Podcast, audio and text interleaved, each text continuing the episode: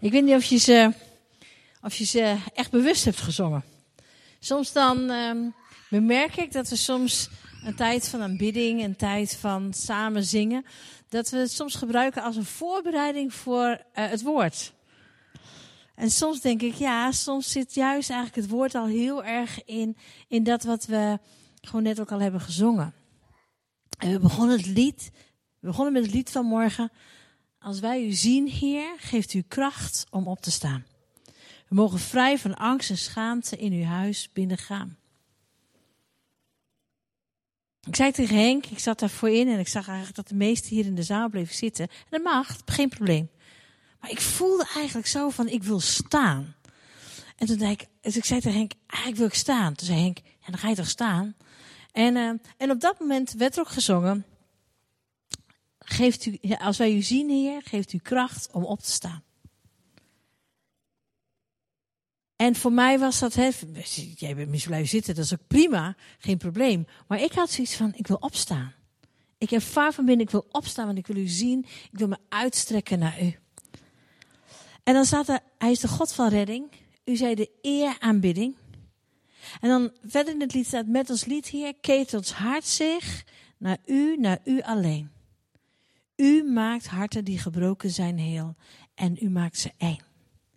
En weet je, ik, in de voorbereiding moest ik heel erg denken aan David. David, een, een, een, een man naar Gods hart, zegt de Bijbel. Een man die niet zonder fouten was. Maar een man die wel leefde in overgave. Een man die zijn God kende en wist. Uiteindelijk mag ik vrij van angst en schaamte uw huis binnengaan. Ik weet niet of jullie David, of jullie het leven van David wel eens wat hebben bestudeerd, maar daar zitten, dat is, ik vind het zo indrukwekkend hoe David telkens in overgave weer leeft aan God. En het laatste lied wat we zongen spreekt tot mij en ik luister. En we zien in Davids leven ook dat hij op een gegeven moment, omdat hij veel met zichzelf bezig was, omdat hij eigenlijk bezig was ja, met zijn eigen begeerten, zijn eigen bedoelingen, dat hij niet meer goed de stem van God verstaat. En dat er afschuwelijke uh, fouten ook in, uh, dat heeft afschuwelijke fouten in zijn leven maakt. En daar wil ik met jullie naar, wil ik met jullie naar kijken. Ik wil verschillende stukjes van, van David, uh, Davids leven met jullie bekijken. En ook daarom is het goed om God inderdaad te vragen, Heere God. Uh, wat wilt u vandaag persoonlijk tegen mij zeggen? Wat wilt u mij leren? Wat wilt u mij onderwijzen? We zijn hier niet om een uh, lekker gewoon maar een preekje te houden. Of uh, maar even te luisteren. Oh ja, het is zondag. Zeker in een tijd als deze. Dan is het eigenlijk dat je gewoon elkaar kan ontmoeten. Op, hè, zoals wij als kerk ook elkaar. Wat een voorrecht. Wat een voorrecht. Wij hebben een. Mensen zeggen van ja, we worden beperkt. Ik zeg nou, wij worden. Wat een, wat een uitzondering krijgen wij. Wij mogen gewoon hier bij elkaar komen. 30 man. Terwijl ik thuis maar één iemand mag bezoeken. Hoe gaaf. En hoe bijzonder dat God ons de kans geeft in deze tijd om bij elkaar te komen. Om te luisteren naar wat God hier te zeggen heeft. Dus als je hier zit, lucky one. Jij bent echt een geluksvogel. Dat je hier mag zijn vanmorgen. En natuurlijk, als je meekijkt, de livestream is ook fantastisch. Maar de Bijbel zegt dat we elkaar, als we bij elkaar komen, dat we elkaar mogen aanmoedigen tot liefde en goede werken. En vandaag wil ik jullie, samen met jullie, elkaar aanmoedigen tot liefde en goede werken. Goed, als je met mij de Bijbel ook wil opslaan, in 2 Samuel 12 staat een verhaal. Het verhaal van David. Koning David, die al allerlei overwinningen behaald heeft, die al bekend is, die, die, die, die uh, zelfs ook um, de, de, um, uh, ja, in, in, de, de, de stem van verstaan van God echt waanzinnig elke keer ontvlucht is ook aan de, aan de ja, eigenlijk de agressieve handen van, van Saul. David, um, Blijft op een gegeven moment thuis, terwijl zijn manschappen wel aan het, uh, aan het strijden zijn. En hij ziet daar een uh, hele mooie vrouw uh, zichzelf baden. Hij haalt haar in het paleis. Uh, ze hebben samen een hele gezellige tijd, waardoor zij zwanger raakt. En hij denkt, oei, dit is even niet wat ik wil. dit komt mij niet zo goed uit. Laat iedereen, laat ik even dit bedekken. Um, ik ga allerlei plannen bedenken, dat kun je allemaal lezen. En uiteindelijk komt het er eigenlijk op neer dat hij um, Uria, de, de, de man van deze vrouw van Bathseba, dat hij probeert hem echt ook even de, de dood in te sturen. En dat gebeurt ook. Hij wordt ook uh, gedood en hij denkt, ik ga alles mooi stilhouden. Maar dan komt de profeet, de profeet Nathan die komt en die vertelt David een verhaal. En David, door het verhaal, door die gelijkenis, denkt David: Ja, uh, deze man moet gedood worden. En dan zegt Nathan: Maar jij bent het. Jij hebt er een puinhoop van gemaakt. En, uh, en God ziet wat in het verborgen is.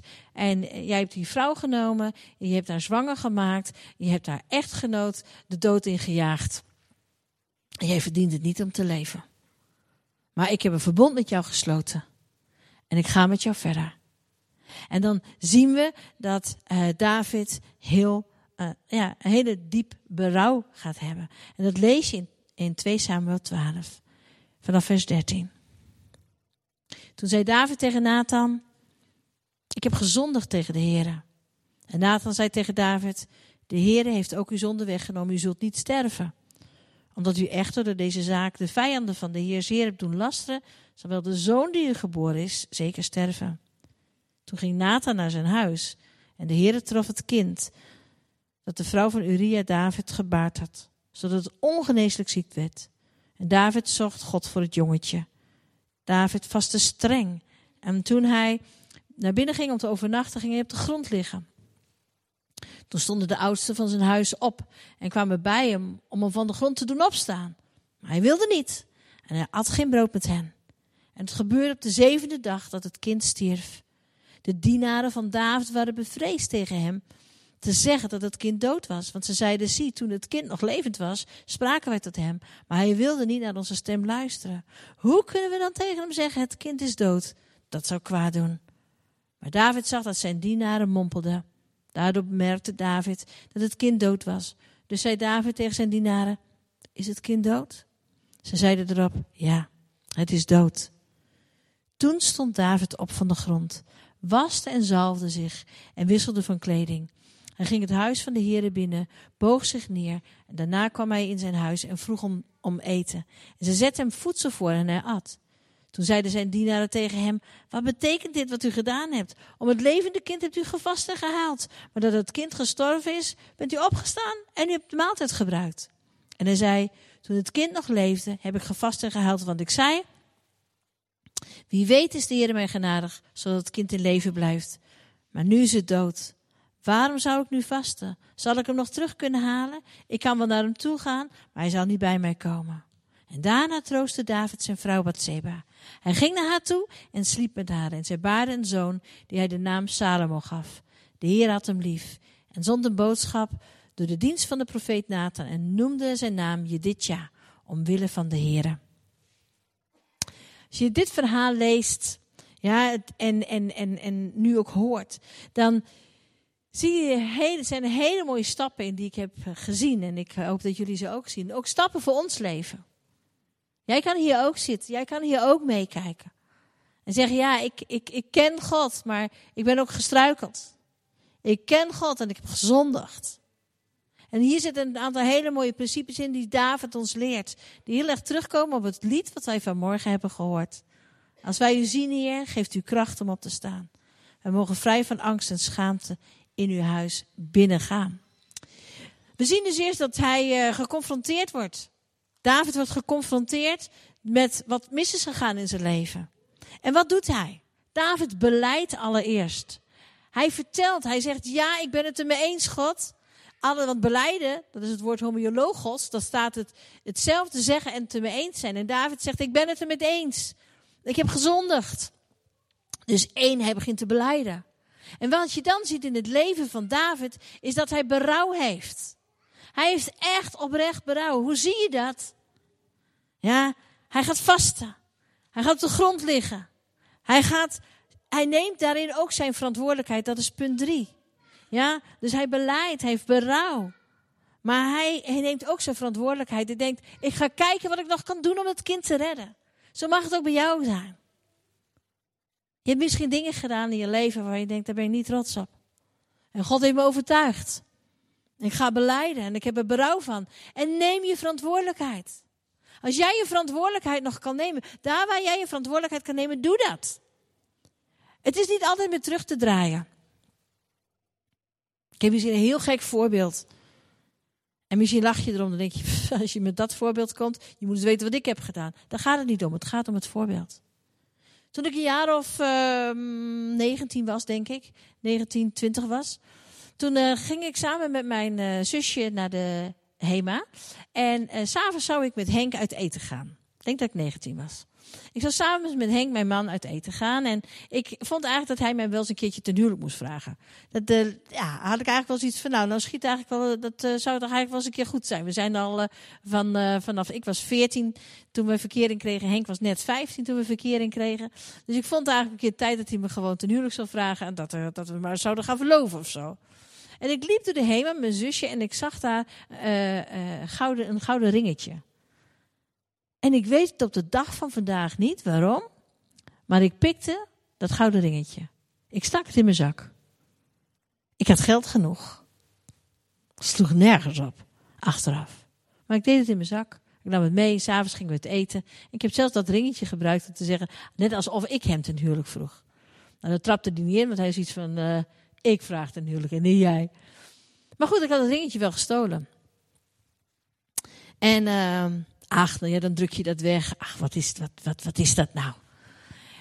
En op een gegeven moment, toen ik meer en meer ook eh, samen met Jezus ging wandelen en ook meer en meer ging spreken, was het eigenlijk altijd als ik tegen de mensen zei: neem je verantwoordelijkheid. Als het kan, ruim het op. Dat wat je zelf nog op kan ruimen, doe dat.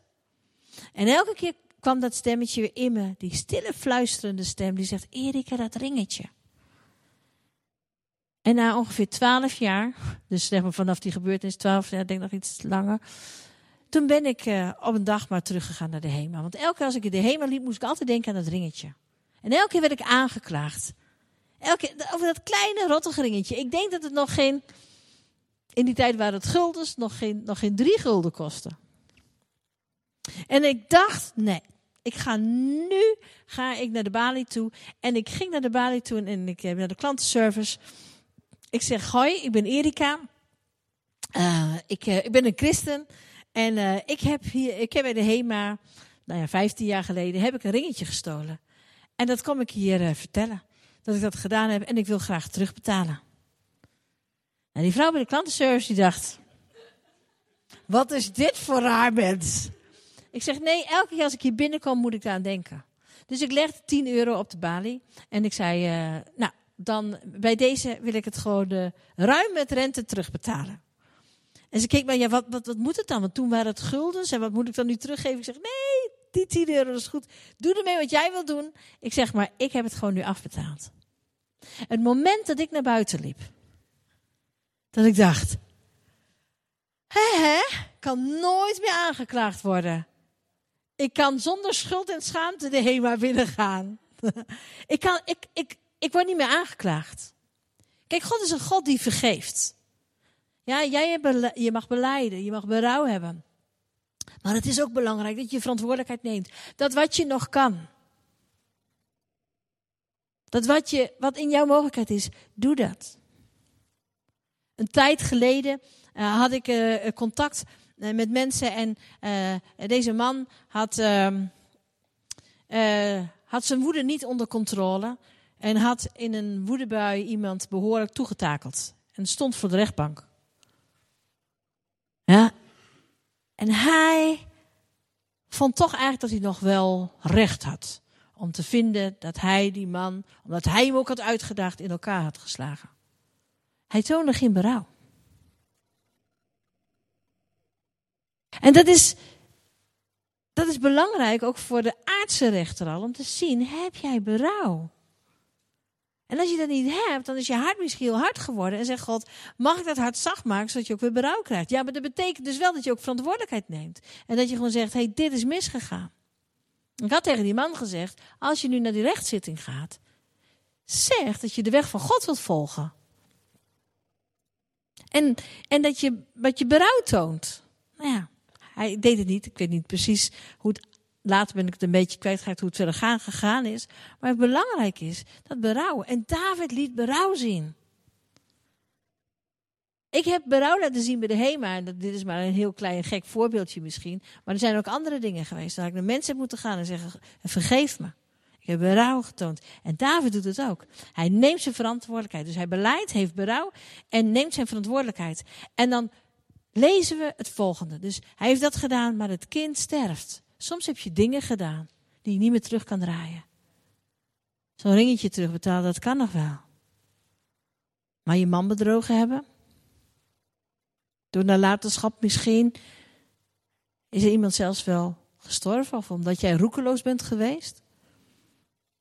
En je, je kan het niet meer terugdraaien. Dat kan je niet meer terugdraaien. David kon op een gegeven moment niet meer terugdraaien dat zijn zoon toch gestorven is. En ik zie mensen die blijven daarin hangen. Die zeggen, ja, dat is allemaal stuk gegaan, het kan niet. En ik, oh, ik arme zondaar, bedelaar, onrein. Oh. Maar God zegt, ho, stop. Als jij hebt beleden, als jij berouw hebt genomen, als jij verantwoordelijkheid hebt genomen, dan mag jij het volgende doen. En dat kunnen we lezen in uh, vers 20. Toen stond David op van de grond. Hij stond op. Er moet een punt zijn in je leven, ook al willen andere mensen je nog op de grond hebben in het stof, maar dat jij zegt, meester, ik heb, ik heb beleden, ik heb berouw gehad, ik heb mijn verantwoordelijkheid genomen, maar nu sta ik op. Ik moet opstaan, anders blijft het verleden telkens over mij heen hangen als een zware deken. Ik moet het verleden van me afwerpen en ik moet de toekomst aantrekken. En David doet het. Hij staat op van de grond. Misschien zit je hier of kijk je en denk je, ja, ik wil wel opstaan. Maar mijn familie zegt, mijn vrienden zeggen, oh, wie ben jij dat jij nu weer gewoon doorgaat met je leven, na alles wat jij gedaan hebt. Als jij beseft wie het God voor jou gedaan heeft, kan je dat doen. Dan kan je dat doen. Dan kan je opstaan in dat nieuwe leven en zeggen: No way. Ik ga niet meer terugkijken. Ik heb, ik heb beleden, ik heb berouw gehad, ik heb mijn verantwoordelijkheid genomen, maar nu sta ik op. En David staat op van de grond. En dan het volgende. Dan gaat hij en dan staat hij en hij waste zich. Je staat op en je zegt: Heer Jezus, uw kostbaar bloed, uw bloedverbond was mij schoon. U hebt de bewijsstukken weggedaan. En ik mag schoon gewassen, gewassen zijn. Maar David was zich. En dan, dan, dan staat er, en hij zalfde zich. Zalving, de olie, dat is eigenlijk een, een, een teken van de Heilige Geest. Hij zegt, ik zalf me weer. Zalven betekent het he, apart gezet, of uh, uh, zalven werd gebruikt om dingen te heiligen, om voorwerpen te heiligen en mensen te heiligen. Ja, om begon te zeggen, apart gezet van God en apart gezet van het kwaad en toegewijd aan God. Want dat betekent dat. Geheiligd betekent apart gezet zijn van het kwaad en toegewijd aan God. En hij zalft zich. Hij zalft zich. Hij, hij doet die geur weer op en hij ruikt en hij weet, oké, ik heb het niet verdiend. Maar ik, ik, ik salf, ik mag mezelf salven. Ik mag weten dat de Heilige Geest weer bij me is. Hij heeft ook een lied geschreven. Create in me a clean heart, oh God. And renew a right spirit within me.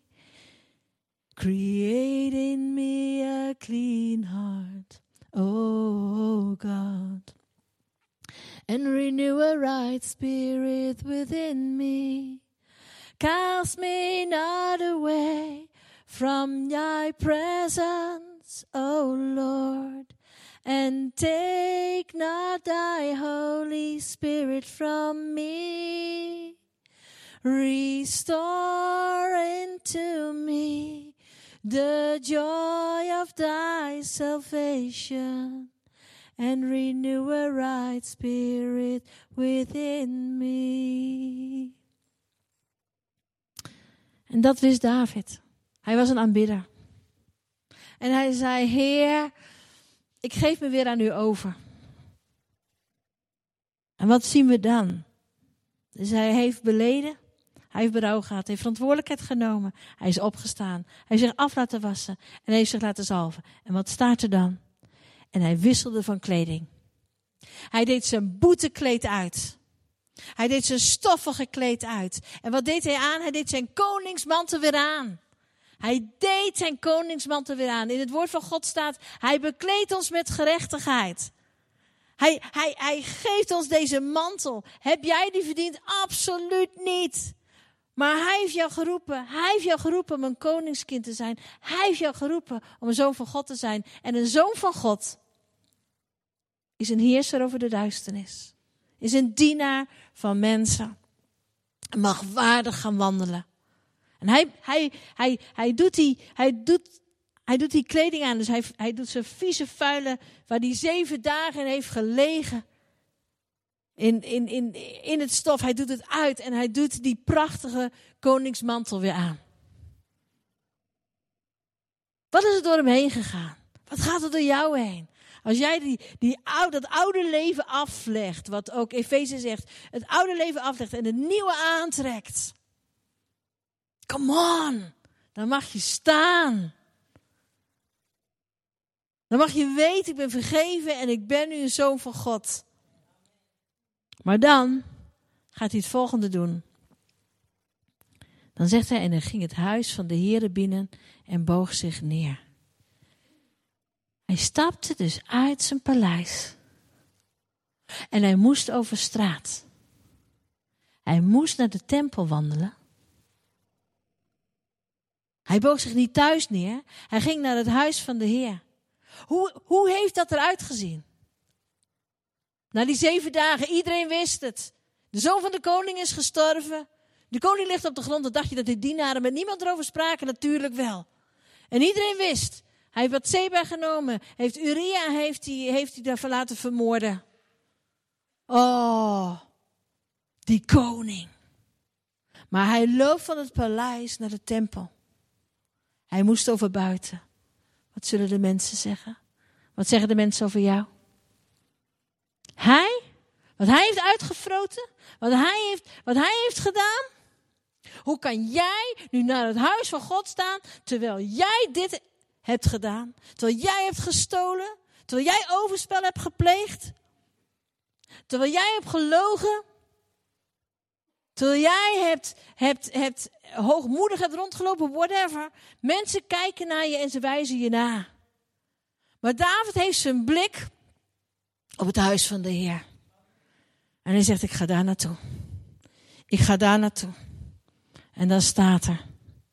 En hij boog zich neer. In een andere vertaling staat, en hij aanbad. Hij gaf zich over aan God.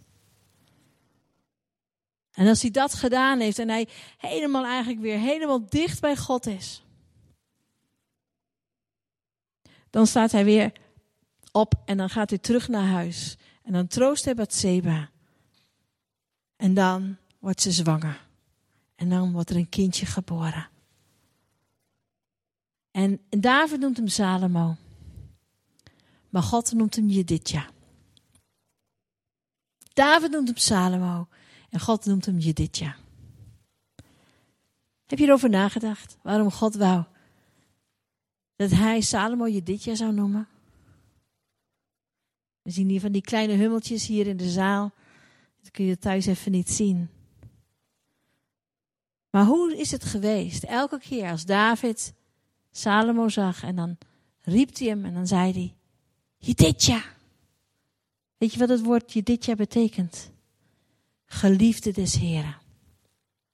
En elke keer riep hij dus Jedidja. En Jedidja kwam naar hem toe lopen. En elke keer werd hij herinnerd aan de grote gunstbewijzen van God. Geliefde des Heren. Dit kind is een geliefde des Heren, maar het was net alsof elke keer God tegen David zegt: Jij bent een geliefde des Heren. God kan uit de puinhoop van jouw leven zoiets moois maken. Die dankbaarheid die je dan hebt. Die dankbaarheid. De dankbaarheid dat ik, dat ik mag zijn wie ik ben. En elke keer denk ik er weer aan, oh Heer. Ik draag een ring. En, aan, en deze ring, daar zit een verhaal aan vast en dit vertel ik hier niet. Maar als ik elke morgen de ring aandoe, dan proclameer ik daar iets bij. Daar proclameer ik iets bij. En dan zeg ik, Heer, wie ben ik? En dan zegt God, wie ben ik? Ik ben de God Almachtig. Die jou zegt, sta op en doe het. En dan is het zo mooi dat die zoon, ja, en dat kunnen we lezen in twee kronieken, twee kronieken, even kijken hoor, pak hem er even bij.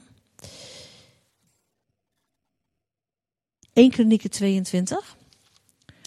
Want David gaat verder met zijn zoon. En, en David wil, hij houdt zoveel van God. En hij wil ook zo graag een tempel voor de Heer bouwen.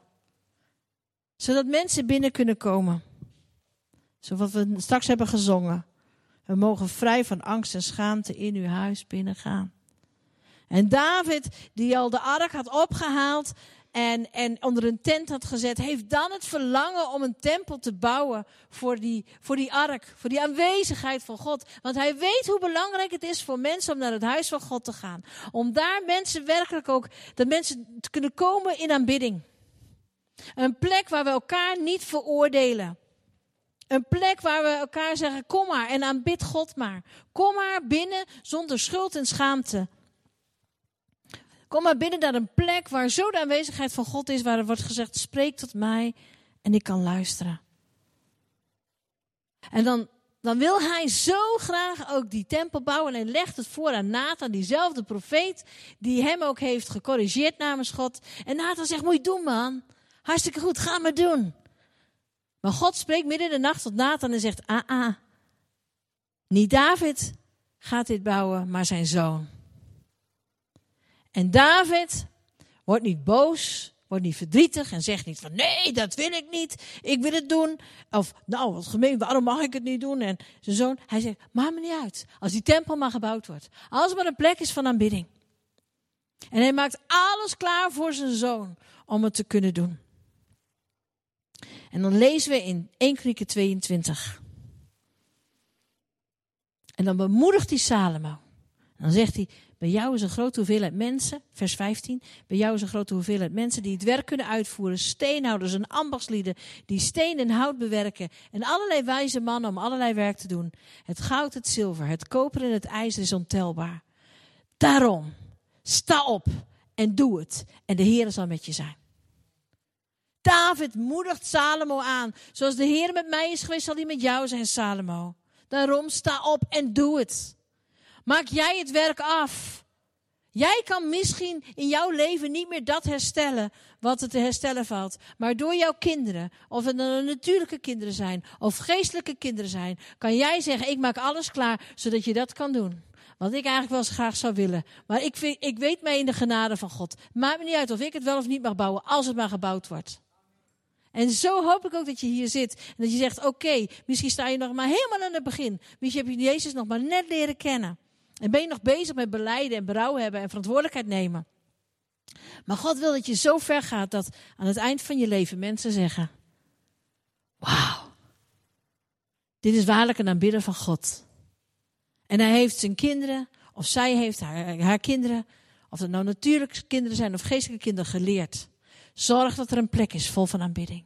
Zorg dat er een plek is waar je zonder schaamte en schuld en angst binnen kan gaan zodat je echt een nieuw leven kan, uh, kan om, omarmen. En dat je, dat je daadwerkelijk uh, de naam van God groot kan maken. En dat echt gezien wordt dat jij een zoon van God bent. Weet je, je hebt lef ervoor nodig om op te staan. Je hebt er lef voor nodig. Als andere mensen zeggen, en jij, wat heb jij gedaan? Maar een lef te gaan op te staan in de genade van God. En dat heeft deze wereld ook nodig. Dat hebben wij met elkaar nodig om te horen, maar dat heeft deze wereld ook nodig. Om te horen, wij kunnen opstaan in de genade. Er, er, is altijd een weg terug. Er is altijd een weg terug. Ik heb nog heel veel te vertellen over David en Salomo, maar ook gezien de tijd laat ik het gewoon zo. Ik, ik hoop dat je deze les meeneemt. Of je verheugt over, oh God, ik heb al die stappen mogen doen. Als ik deze stappen van David altijd weer, dan, dan denk ik weer terug van waar ik vandaan kwam en waar ik nu sta. Maar ook waar ik nog naartoe ga. En waar mijn kinderen en mijn kleinkinderen naartoe gaan. Het feit waar ik, en, en, en, en, en ook de, de, de, de geestelijke, zeg maar, discipelen die je dan meemaakt. Je wil ze allemaal brengen naar een plek van zijn aanwezigheid. Of het nu onder een tent is of in een tempel is. Hij moet aanbeden worden. Want als hij aanbeden wordt, als jij beseft, hij is de Allerhoogste. Hij is hoger dan dat ik ben. En ik mag op zijn hulp vertrouwen. Dan kan hij jouw leven echt helemaal vernieuwen. Zoals hij dat bij David heeft gedaan. David is een man naar Gods hart, omdat hij oprecht is. David is een man naar Gods hart. En dat zeggen we samen met hem, met ons lied hier. Keert ons hart zich naar u alleen. U maakt harten die gebroken zijn heel. U maakt ze één. God maakte zelfs dat gebroken hart van David. Gebroken om het verlies van zijn zoon. Door zijn zonde. Hij maakt het weer één. Hoe bijzonder. En dat is nog maar het Oude Testament. In het Nieuwe Testament is die genade nog zoveel groter. Want die genade is zichtbaar geworden in Jezus Christus. En hij zegt echt. Hoe verrot je leven ook is. Welke puinhoop je er ook van gemaakt hebt. Ik wil dat jij, nadat je berouw hebt gehad, beleden hebt, hebt beleden, berouw hebt gehad en verantwoordelijkheid hebt dat je weer opstaat. We hebben het nodig dat ook jij, dat ook jij opstaat in deze wereld en getuigt, vertelt. En dan lachen de mensen je uit. Dan zeggen ze, jij naar de kerk, jij naar de kerk, nou alles wat jij gedaan hebt. Ik ga naar de kerk en ik aanbid God. En de kerk is niet voor mij alleen deze plek, maar een plek waar de tegenwoordigheid van God is. Ja, zullen we samen bidden?